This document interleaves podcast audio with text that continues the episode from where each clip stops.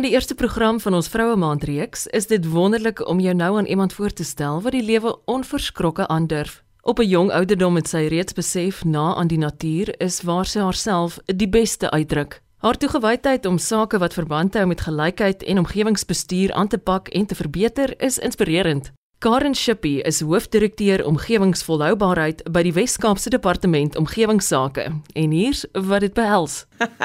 I actually get that question quite a lot. So my team within the Western Cape government is responsible for climate change, sustainability, biodiversity and coastal management, and we also have oversight over Cape Nature.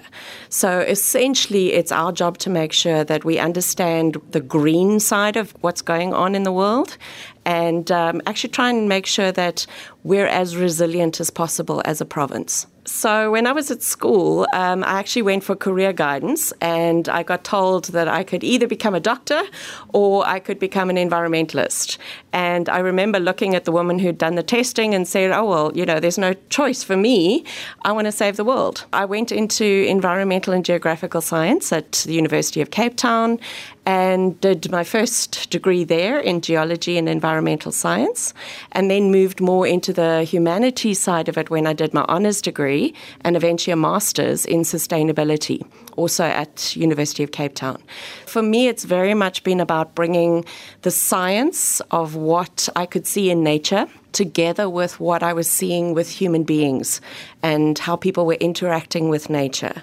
It's uh, I've grown up through the environmental impact assessment world, so trying to understand exactly what it is that we do to nature and what impacts nature has on us when we develop. My little daughter will tell you that mommy goes to meetings.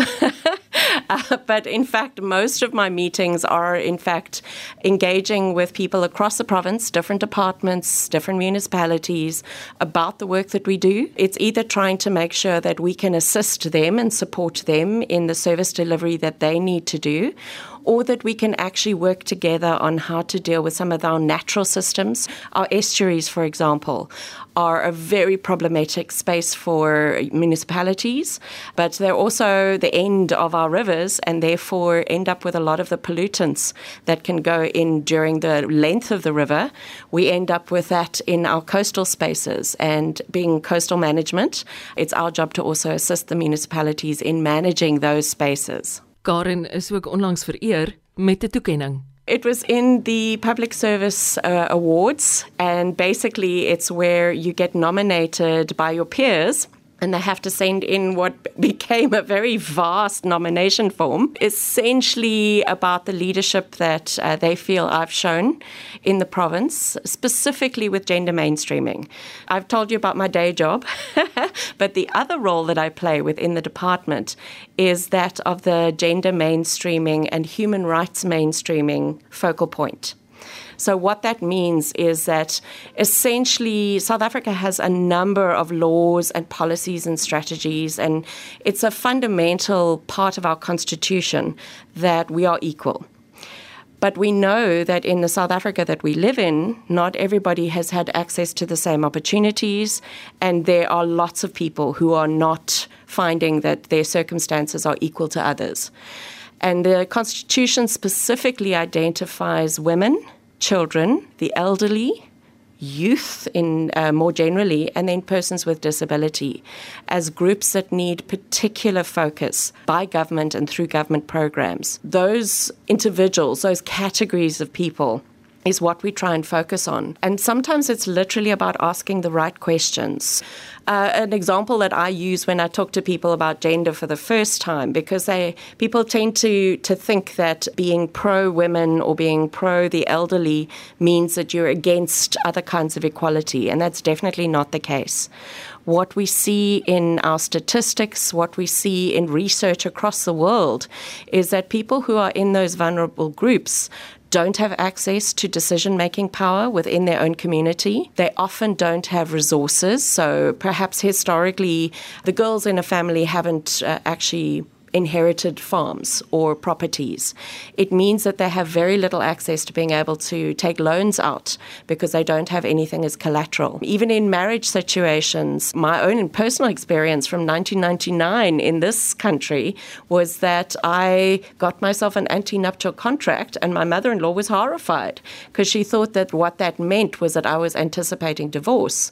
And I had to explain to her that in 1999, getting married meant that the law saw me changing from an adult into a minor. As of that moment when I signed the marriage book, it would mean that my husband would have to give me permission to open a bank account. And that was just something that I was not willing to tolerate. Fortunately, the law has changed, but this is still something within our lifetimes. So there are people like you and I, people in our generation, who still were exposed to laws that literally took away your power to be an adult and to do the kinds of things that would enable you for economic empowerment. It's something that is very real, and it's something that we don't often shine a light on in terms of the, how those little things have actually compounded for people who are in vulnerable groups to just simply not have the capabilities or be in a position where they're able to demand their rights, even though they have them constitutionally. Karen Shippey se werkloopbaan en passies is nouliks met landbou vervleg. I started, uh, as I said, as an environmental impact assessment practitioner, but also working with engineering colleagues on water infrastructure. And I think anybody knows that water and water infrastructure is absolutely critical. Being involved in things like the Olifantsdoring catchment management planning, being able to integrate the knowledge that was already sitting with our water effects colleagues, uh, these were the kinds of projects that I worked on. And it really helped me to see how things like water and energy are so intimately related with how people use the land and with food security. It's never been surprising for me that land, water, energy have become a nexus that people are discussing because I could see that for a very long time in my career. It meant the difference between somebody's livelihood and the crashing of our food security if water was simply not available, and how important infrastructure is in terms of making sure that it's available consistently. The linkage for me, my career, it's definitely being able to see for myself how it makes a difference on the ground. So I think probably one of the craziest projects that I worked on um, when I was just starting out was actually the South African Rainfall Enhancement Project. Okay, it's called SAREP. And this was a project that was started in the 1980s by the Water Research Commission. And my job was to look at the environmental impacts of the project. Now, essentially, it's rainfall enhancement, which means seeding clouds. South Africa developed the technique to be able to seed clouds with salt. So, in the past, in America, all sorts of things have been used to essentially form the little molecules around which water can gather and eventually form a raindrop. It was always thought that the warm storm clouds that we get over the Vaal Triangle area weren't suitable for that kind of seeding. But in fact, South African Weather Service, as well as Water Research Council, and at the time it was Department of Water Affairs, actually developed a technique in the 80s and early 90s. In response to this, there were farmers all the way from the Free State up who believed that they were stealing their rain. So there was a, a group that was started, the Ret Ons Reën, that was violently against the idea that there were even research projects um, about this.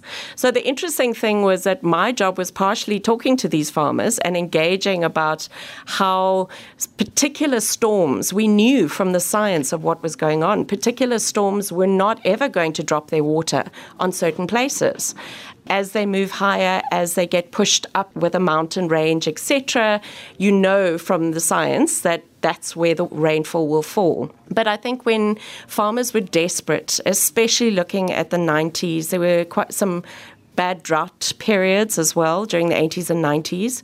There was just a sense that some things are God given and that humanity was messing with them. And in some ways, that was actually a little bit before their time because this was before people really started talking about climate change. But here you were with a group of farmers saying this is something that people mustn't mess with. We know the science a lot better now, but I think there's still this deep sense, and it's often in rural communities, this very deep sense that nature is something that we don't mess with. We shouldn't mess with it because it'll come back and bite us. And I think, you know, what we've learned really through our climate change studies now is that is exactly what is happening. You know, the kind of large scale manufacture, large scale pollution, our global systems can only tolerate a certain amount before they start deteriorating. And we're seeing that now. We're seeing the impacts of the heat. I mean, just in the last few days, Europe has been under crippling heat waves. People are dying because they're getting to 49, 50 degrees. This is not a problem of the developing world. This is a problem of the entire world. And in fact, the developed world is taking an enormous knock. In a lot of ways, in South Africa, we're lucky. We still have space to work with. We have a cunning that I think no other country has. And, you know, the adage that a boer maak 'n plan is just so incredibly true because what we've noticed and what I've seen in my time here with the province is that it, it's our farmers who are actually talking about the changes they're seeing and they're talking about how they're going to be dealing with it and they are the ones who are demanding what policymakers need to do. It is, in fact, our citizens of the soil who are leading the way. As a sector, agriculture is definitely in advance of most of the other sectors. Volgens Karen het geslagsgelykheid en omgewingsbestuur veel meer met mekaar te doen as wat mense besef. Absolutely. As I was talking earlier, the issues around things like asset ownership uh, become a very big deal when it's in an agricultural space. So, less so for commercial agriculture, but a lot more in sustainable agriculture, where you're talking about very small farms, emerging farmers.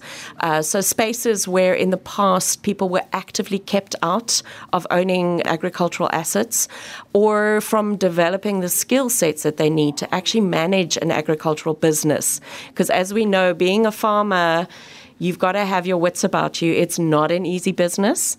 I must say, I've always been very grateful that there are other people looking after our food security. When I tried to grow my own veggies in my back garden, I think I would have starved to death. So I'm very grateful that there are people who are dedicated to doing this. But for me, just looking at the gender elements, access to water is very much linked to access to land in this country. And if you don't have water, you don't have crops you don't have livestock. If you're not able to get access to the resources as someone who has come from a background where you don't own the assets, the assets may be owned on your behalf by brothers or fathers or husbands.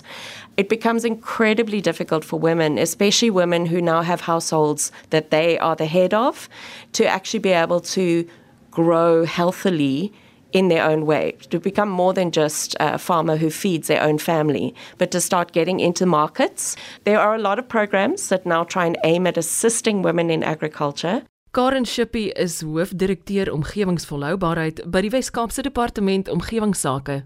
Graag wil ek 'n uitnodiging aan jou rig om hier gedurende Augustus op hoogte te bly met ons reeks Vroue Maand programme wat op die webtuiste van RSG beskikbaar sal wees. Ek is Eloise Pretorius en ek groet met die volgende dankbare gedagte. I think the fact that our farmers never give up.